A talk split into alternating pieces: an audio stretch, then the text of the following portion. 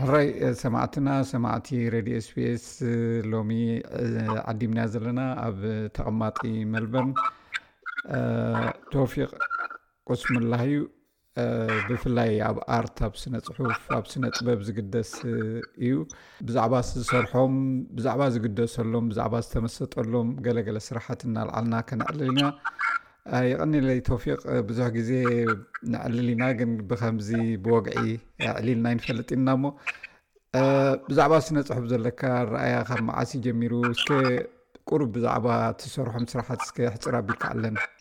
ሰላም በየነ መጀመርታ ክብረት ሃበለይ ብምዕዳምካ ከምኡ ውን ንሙሉኦም መሳርሕትኻ ኣብ SBS ዘለዉ። ሽመይ ቶፊቅ ቁስመላ እበሃል ኣብ ቤት ትምህርቲ ጃልያ ኢላ ትጽዋዕ ኣብ ኣስመራ ኣብኣ ክሳብ ዓሰርተ ክልተ ክፍሊ ተማሂረ ማለት እዪ ተማሃር ኩሉ ብዓረብ ኮይኑ ብድሕሪኡ ዓሰርተ ክልተ ክፍሊ ምስ ወደእኩ ከም ኩሉ ኤርትራዊ ሃገር ኩሎት ሻውዓይ ዙርያ ከይደ ማለት እዩ እቲ ዜምስ ነውሐና ቢለ ማለት እዩ ስግረ ዶብ ንሱዳን ክልተ ሽሕን ሓሙሽተን ክልተ ሽሕን ኣርባዕተን ንክኸውን ንሱዳን ከይደ። እዚ ዝመስል ትሕጽር ዝበለ ናተይ ድሕሪ ባይታ ኣብቲ ስናይ ስነ ጽሑፍ ክንዛረብ ተኮይና ስነ ጽሑፍ ኣነ ብንእሽተይ ከለኩ እየ ጀሚረዮ ዳርጋ እቲ ግጥሚ ከም ግጥሚ ልክዕ ናይ ግጥሚ ኣቃውማ ደለዎ ግጥሚ ድጽሓፍኩሉ ወዲ ዓሰርተ ሰለስተ ዓመት እዩ የንብብ ኔረ ብዙሕ ቡዙሓት ድተመሰጥኩሎም ሰባት ውን ኔሮም መምሃራይነይ ድዮም ወይስ ኪንዮ ዘለዉ ማለት ኢዩ ኣደንብበሎም ሰባት እቲ ብሙሉኡ እቲ ግጥምታተይ ናይ ስነ ጽሑፍ ስርሓተይ ኩሉ ብዓረብ ኢዩ ብእንግሊዘኛ ውን ኣለኒ ቅርሚ ዓመት ዓመት እመ መንፈቅ እመ ኣቢላ ድወጸት መጽሓፍ ኣል ኣሚን ኣል ብሪጣኒ ትብል ኣላ ሳብ እንግሊዝኛ ኮይና ዳርጋ ኣብ ድሕሪ እዎን ኣብ ዝቀረባ እዋን ትወጽእ መጽሓፍ ብዓረብ ኣላትኒ ማለት እዩ እሱ ከኣ ግጥምታተይ ብዓረብ። እወ እቶም ዝጸለዉኻ ብፍላይ እቶም መጻሕፍቲ ኣየኖት እዮም ማለትሲ ናብ ዓረብ ኣብ ኣስመራ ኢኻ ተወሊድካ ዓቢኻ ኢንፋክት ትምህርትኻ ብዓረብ ተማሂርካ ብ ጃልያ ግን ከመይ ኢልካ ኢኻ ተጸሊኻ መን እዮም እቶም ንዓኻ ስኒ ናብ ናይ ዓረብ ጸሓፊ ክትከውን ዝገበሩኻስ ዝመሃርስ ብዓል መን እዩ? ብመጀመርታ ትምህርቲ ድማሃሮ ነበርኩ ብዓረብ እንድዩ። ብዙሕ መጽሓፍ ክነብብ ነይረ ካብ ብንእሽተይ ጃፒረ። ገለ ገለ እዋናትሲ ግናን ከይመስል እምበር መጽሓፍ ከይወደእኩሉ ዝደቀስኩ እዋን ኣይነበረን ክብለካ እኽእል እየ። ካብቶም ቀንዲ ዝጸለዉኒ መማህራነይ ኣሕመድ ሸሪፍ ዝባሃል ኣብዚ ዓዲ ውን ኣሎ ጋዜጠኛ እዩ። እሱ ከም ሓደ ጸላዊ ንዓይ ኣብ ግጥሚ ስርዓት ሒዘ ንኽጽሕፍ ዝገበረን ዝሓገዘንን እዩ። በዚ ኣጋጣሚ ክብሪ ይሃቦ ምስጋና ከብጽሐሉ እደሊ። ብተወሳኺ መጽሓፍቲ ካብቲ ዘንበብኩዎ ማለት እዩ ወይ ከኣ ገጠምቲ ብጣዕሚ ደመሰጹኒ ናቶም ውን ስታይል ሒዘ ክኸይድ ብዙሕ ግዜ ዝፈተንኩ ማሕሙድ ደርዊሽ እዩ። ማሕሙድ ደርዊሽ ወዲ ፍልስጤም እዩ። ገጣማይ እዩ። ኣብኡ ከማንሲ ብጸላዩ ድምስክረሉ እዩ በቲ ግጥሙ ይብል ሕጂ ካብቶም ዓበይቲ ኣዘዝቲ ናይ ኢዝራኤል ሓንቲ ንዓረብ ድምስጹና ወይ ከኣ ንቐንኦሎም እንተሃልዩስ ማሕሙድ ደርዊሽ ሲ ናትና ዘይምዃኑ እዩ ኢሉ ይገልጾ ማለት እዩ።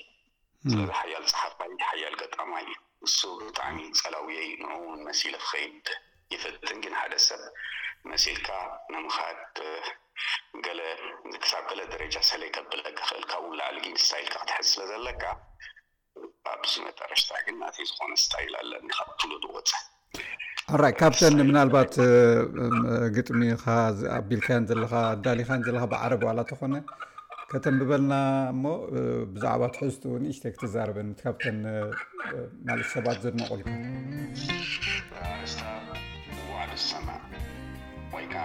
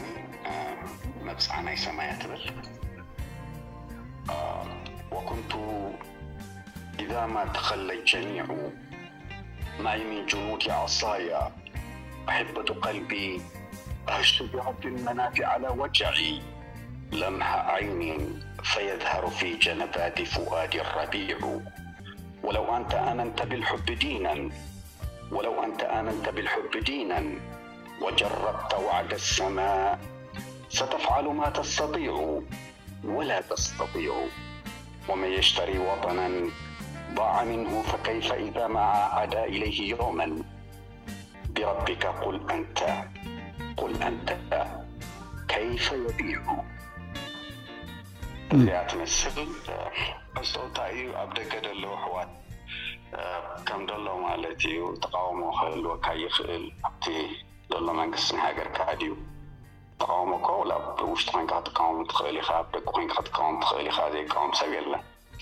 ኣነ እንታይ እየ ድብል እቶም ደጸልሙ ንሓደ ተቓዊምካ ወይ ከኣ ደይከውን ኢልካ ኢሎም ደኽፉ ሰባት ንኦም እየ ከም ፈይ ኣቢለሎም። ንሱ ከኣ እንታይ ትማል ትማሊ ምሳኹም ተሰሪዐ ይኸይድ ኔረ ትማል ትማሊ ስለ ሃገረይ ከም ዕሸል ተባዕታይ ደርሆ ተበጅየ ኣብዚ መጽየ ውን ንዓይ ድመስሉኒ ኣሕዋተይ ረኺበ ምስኦም ይሰለይ ይብል ኔረ እቲ ትማል ትማሊ ብዛዕባ ሃገሩ ዝግደስን ሃገሩ ድተሰውኣ ሰብን ሲ ሕጅስ ሃገር ሸይጥ ኢልኩም ትሓስቡ ዶ እያ ትብል ሕጽር ዝበለ ዝመስል ኣብቲ ዝኸደሉ ናይ ስታይል ናይ ግጥሚ ብዙሕ ዓይነት ናይ ግጥሚ ትምህርቲ እዩ ዘሎ ግጥሚ ብለ ጀሚሩ ለ ድውድእ ወይ ብሃ ጀሚሩ ሃ ድውድእ ኣይኮነን ግጥሚ ናቱ ዝኾነ ህርመት ኣለዎ እቲ ህርመታት ኣብ ናይ ዓራብ ሕጂ ሰለስተ ኢሎም መቕልዎ ትርከብ ግጥሚ ድበሃል ማለት እዩ እቲ ሓደ እንታይ እዩ ተፍዒላ እትበሃል እቲ ተፍዒላ ምትሪካል ፊት ይብልዎ ብእንግሊሽ ብእንግሊፍጅ ሰለስተ ሽዱሽተ ህርመት ኣለዎ ኣብ ናይ ብናይ ትግርኛ ዝልክዕ እንታይ ከም ድበሃል ኣይፈለጥክዎን ኣብቲ ናይ ዓረብ ግን ዓሰርተ ዝኸውን ኣለዎ ንኣብነት ሕጂ ደንደን ደደን ተን ተን ተደን ኢለ ባኣ እንድሕር ድኣ ጀሚረ ባኣ ክቅጽል ክክእል ኣለኒ ይፈላለ ኢዩ ይከውን ኣብቲ ናይ መጠረሽታ ሕጂ እቲ ቃፍያ ድብሃል ቃፍያ ሕጂ ቁደ ትብሃል ወይ ካኣ ራይም ይብልዎ ብእንግሊሽ እሱ ሕጂ ታይ ኣብ መጠረሽታ ዝመጽእ ኣሎ ሕጂ ንኣብነት ጀሚዑ ክብል ጸኒሐ እንታይ ኢለ ረቢዑ። የስተጢዑ ዳበልኩ ከይደ ማለት እዩ እዚ ሕጂ ቃፊያ ይብሃል እዚ ኩሉ ብሓንሳብስ ስሩዕ ዝኾነ ዓይነት ክልቲኡ ማለት ሓዋዊስካ ከተምጽኦ ዝኽእል ጉዳይ እዩ ናይ ግድን እዩ ንኽትጥቀም እዚኣ ሕጂ ዝተጠቀምኩላ ተፍዒለ ዓሙድ ድበሃል ኣሎ እቲ ዓሙድ እንታይ መሲልካ ናይ ቀደም ስታይል ዘለዎ ግጥሚ ኮይኑ እብዚ ሕጂ ዝቀይረ ኣለኩ ንኣብነት ብ ኢለ ጸኒሐ ን ኢለ ብ ከኣ ኢለ ብድሕሪኡ ማለት ትውድእ ደሎ ማለት እዩ እዚ ሕጂ ተነውዐል ቃፊያ ይበሃል ወይ ከኣኒ ቁደት ፈላልየዮ ኣለኩ ወይ ከኣኒ ኣብ ሓደ ዘይኮነስኒ ብ ሰለስተ ኣርባዕተ ተጠቂመ ኣለኩ እዚ ሕጂ ሽዕር ትደፍኢላ ኣይግብእን ኢዩ ኣብ ናይ ሽዕር ኣልዓሙዲ ድበሃል ኣብቲ ናይ ክላሲክ ኦልድ ናይ ኣረቢክ ግጥሚ ግን ብለ እንድሕር ደኣ ጀሚርካ ለ ክትውድእ ኣለካ ብሃ ጀሚርካ ሃ ክትውድእ ኣለካ ኣብቲ ተምጾ ውሽጣዊ ህርመት ውን ኣብኡ ውን ዝንቡዕ ዘይኮነ ክኸውን ክኽእል ኣለዎ ብሓደ ህርመት ክኸይድ ክኽእል ኣለዎ ንኣብነት ብናይ ትግርኛ እንተኸይድና ከም ንኣብነት ክንጥቀመሉ ማለት እዩ። ሓደ ብጻይ ኣለኒ ገጣማይ። ብጣዕሚ እየ ደድንቆ ማለት ትሕዝቶ ናቱ እቲ ስርዓተ ግጥሚ ናቱ ብምሉኡ ዝተርጋብ ኣብ ናይ ትግርኛ ካብቶም ዓበይቲ ጸብለል ኢሎም ድረኣዩ ኮይኑ ዝተራእየኒ ሓደ ሰብ ንሱ እዩ ንሱ ከኣ መርሃዊ ወልደሚካኤል ይበሃል። ኣብ ኒውዝላንድ ብስዉነቲ ጸሓፋይ ገጣማይ ብመጀመርታ ገጣማይ ኣይተላለየዮ ኣብ ትግጥሚ ናቱ ሕጂ ድገጠማ ሓንቲላ ወዲ ብዳማ ትብል ኣብዚኣ ሕጂ እቲ ብምሉኡ ስርዓተ ናይ ትምህርቲ ዝብ ክንብሎ ዝጸናሕና ብምሉኡ ተግቢርዎ እዩ ኣብ ዓረብካ እንታይ ይበሃል ሻር ልዓሙድ ወይ ከኣ ሻር ልሙቀፋዕ ብለ ጀሚሩ ለይውድእ መርሃዊ ተጠቀመሉ እዚ እንድሕር ድኣ ሪኢኻ ሓንቲ ኣይነት ቃሊ ቁደት እዩ ተጠቂሙ እታ ናይ መጀመርት ናይ መጸሪ ፋሲካ እንታይ ኣማን።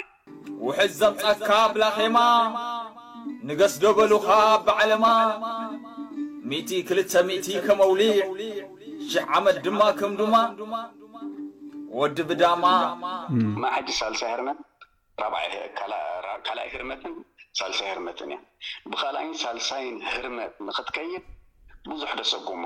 ዘሰጎመካ ኣይኮነን ማለት እዩ። ስሩዕነት ዝሓጸ ግጥሚ ማለት እዩ። እሞ ከኣ ጽሒፍሉ ዘሎ ሕጅስ ሰብዓ ማይቤት እዩ። ሰብዓ ማይቤት ደስ ዘብል መሳጢ ባህላውን ሩዙን ቃላትን ስሩዕነት ዘለዎ እንደገና ውን ካብ ሓደ ናይ ግጥሚ ግጥሚ ከብሎ ዝኽእል እንታይ መሲልካ ፋሕድ በለ ኣተሓሳስባ ክህልዎ የብሉን። እቲ ናይ ሽዕር ዓሙድ ኢና ንዛረብ ዘለና እቲ ናይ ሽዕር ተፍዒላ ካልእ እዩ ሽዕር ተፍዒላ ከም ዝበልኩ ሓጂ ሜትሪካል ፊት ትብልዎ ብናይ ብናይ እንግሊሽ ብሓጂ እዚ ናይ ክላሲክ ዝኾነ እዩ ማለት እዩ ናይ ቀደም እዩ። ኣብ ከምዚ እንድሕር ደኣ ከይድካ ብማ ክትውድእ ብጣዕሚ ብጣዕሚ ብማ ጀሚርካ ብማ ንክትውድእ እሞኻ ሰብዓ ማይ ቤት ደለዎ ብጣዕሚ ከቢድ እዩ መርሃዊ ግን ደይተጸበኾ ኣሰንቢድኒ እዩ ብጣዕሚ ሞት ክናናት ውሰድካ ቀዲማ። ሕጂ ማያ ፍታዋ ግጥሚ ሰብዓ እያ ሰብዓ መሬት እያ ግን ብማይ እያ ጀሚራ ማይ እያ ትውድእ ማለት እዩ ሕጂ እዚ ሞት ክናና ትውሰድካ ቀዲማ ይብሎ ኣሎ ነቲ ሓደ ዲክቴተርሺፕ ንዑ እዩ ድህቦ ዘሎ ስም ኣይጠቅስን እዩ ስም ምጥቃስ ማለት እንታይ ነቲ ቫልዩ ናትካ ወይ ከዓ እቲ ስርሓት ናትካ ቫልዩ የጉድሎ እዩ ሕጂ ሞት ክናና እንተ ተሪእኻ ምስ ናይ ባህላዊ ኣፈ ታሪኽ ልበሃል ኣሎ ሕጂ ምስ ከምኡ እዩ ተሓሒዝዎ ዘሎ ናይ ክናናን ምናናን ትፈልጦ ትኸውን ኢኻ በየነ ሓወይ ክናናን ብናናን ምናናን ክልተ መናት እዮም ነይሮም ብሓንሳብ ሓደ ኣካል ዝነበሮም እዩ ዘይተፈለዩ መናን መናት እዮም ይልበሃል ሕጂ እቲ ክናና ምናና ምስ ሞተ ማለት እዪ ክናና ውን ናይ ግድን ክመውት እዪ ዘሎ ሎጂክ ተሪኢኻ ግን እዚ ንዛረቦ ዘለና ኣፈ ታሪኽ ስለ ዝኾነ ምውት ሓዉ ሒዝዎ ይኸይድ ኔሩ ኣብ መጠረሽታ ግን ኣላሽ ኣቢልዎ ብስቅያት ናቱ ሞይቱ ማለት እዪ ይድብሃል ሕጂ ከምዚ ዓይነት ሞት ይምነየሉ ኣለኹ መሰልዚ እም ሕጂ እንታይ ኢኻ ትብል ዘለኻ በቲ እቲ ያታ ኣብ ኣብኡ ኣሎ እቲ ስርዓተ ግጥሚ እውን ሰብ ስሩዕ እዩ ገይርዎ ዘሎ ትብለኒ ኣለኻ እሞ ውሕጅ ዘምጻካ ብላኼማ ንገስ ዶ በሉኻ ኣብ ባዕለማ ሚእቲ ክልተ ሚእቲ ከም ኣውሊዕ ሽሕ ዓመት ድማ ከም ዱማ ወዲ ብዳማ። ውሕጅ ኣምጺእካ ብላኼማ። ውሕጅ ትውሰድካ ጨልጊማ ውሕጅ እቲ ደምጸካ ንዓኻ ኩነታት ውሕጅ እዩ ግዜ ይምጺካ ብ ኣብ ሃታ ሃታ ኢኻ መጺኻ ማለት እዩ ኮነ ኢሉ ንዓኻ ደበለ ፋሽን ኣይኮነን ግን ዕድል ረኺብካ መጺኻ እዩ ድብሎ ደሎ ውሕጅ ትውሰድካ ጨልጊማ በል ማማ ብሓባር መጺኻ ክብሎ ጸኒሑ ንጽል ኣቢሉ ከኣ እንታይ ይብሎ ኣሎ ውሕጅ ትውሰድካ ጨልጊማ ንበይንኻ ማለት እዩ ፈተልያ ውሕጅ ትውሰድካ ይብሎ ኣሎ። ደላይ ተመን ዘይወጽእ ብንዳድ ጎማ ሕማም ደሓር ዘይሕከም ብማሕጎማ ኣብ ማሳሕካያባ መስጊዳ ገዳማ በል እስኪ በል እስኪ እታ ብሳላሳ ዝዓደካያ ግራት ኣኬልዳማ ትተርትርካ ከም ይሁዳ ፈጊማ ወዲ ብዳማ። ንኣብነት ኣክልዳማ ሕጂ ኣብ። ጊዘ ናይ የሱስ ክርስቶስ ዝነበረሉ ማለት እዩ ኣይሁዳ የሱስ ክርስቶስ ይሓለሉ ነይሩ ምስ ንኣይሁዳ ግን ንየሱስ ክርስቶስ ግን ኣሕሊፉ ዝሃቦም እታ መሬት ሕጂ እታ መሬት እንታይ ትበሃል ናይ ደም መሬት እያ ከማን ሪካን ሸይጥዎ ነቲ ህዝቡ ሸይጥዎ ኣሎ ኦልሬዲ ዕሱብ ኮይኑ ይድበካ ደሎ ኣብ መጨረሻ እንታይ ኣጋጢሞ ናይ ይሁዳ ሞይቱ ይበሃል ወይ ነብሰ ቅትለት ፈጺሙ ኢዩ'ውን ድበሃል ማለት ኢዩ፣ ግን ኣብ መጠረሽታ ጽምዶ ኣማውት ኣይሞተን። ሕጂ እቲ ደምጽኦ ዘሎ ካይዳ ሞራዮት ስርዓት ብጣዕሚ ኣየሰልችወካን ኢዩ? ኣብ ታሪኽ ዝተሞርኮሰ ኢዩ። ከምኡ'ውን ዕምቆ ደለዎ ኢዩ፣ ያታዊ ኢዩ። ሕጂ ብለኒ ንስስ ከመይ ጌርካ ዓይነት ኣነስ ቻለንጅ ኢየ ኣእተይልካ። ቻለንጅ ክኣቱ እንከለኹ እዚኣ ክገብራ ከለኹ ነቲ ማለት ብከምዚ ዓይነት ተካይዳ ታማ ኣነ ኮነ ኢለ እየ መሪፀያ እዩ ክገብራ ስለ ዘለኒ ብሳልሳይ ራብዓይሲ ብካልኣይን ሳልሳይንሲ ክኸይድ ስለ ዘለኒ ቻለንጅ እየ ኣትዩ ትገብሮ ማለት እዩ። ማሕበረሰብኩም ዘተኹም SBS ትግርኛ ክብራት ሰማዕትና እዚ ክሰምዖ ዝፀናሕኩም ብዕላል ስነ ጥበብ ምስ ስነ ጥበባዊ ፀሓፊ ቶፊቅ ቁስምላህ እዩ እዚ ዕላል ኣይተወደአን ኣብ ዝመፅእ መደብና ካልኣይ ክፋሉ ከነቅርብ ኢና ምሳኹም ዝፀናሕኩ በየነ ሰመረ ሰላም ቅነ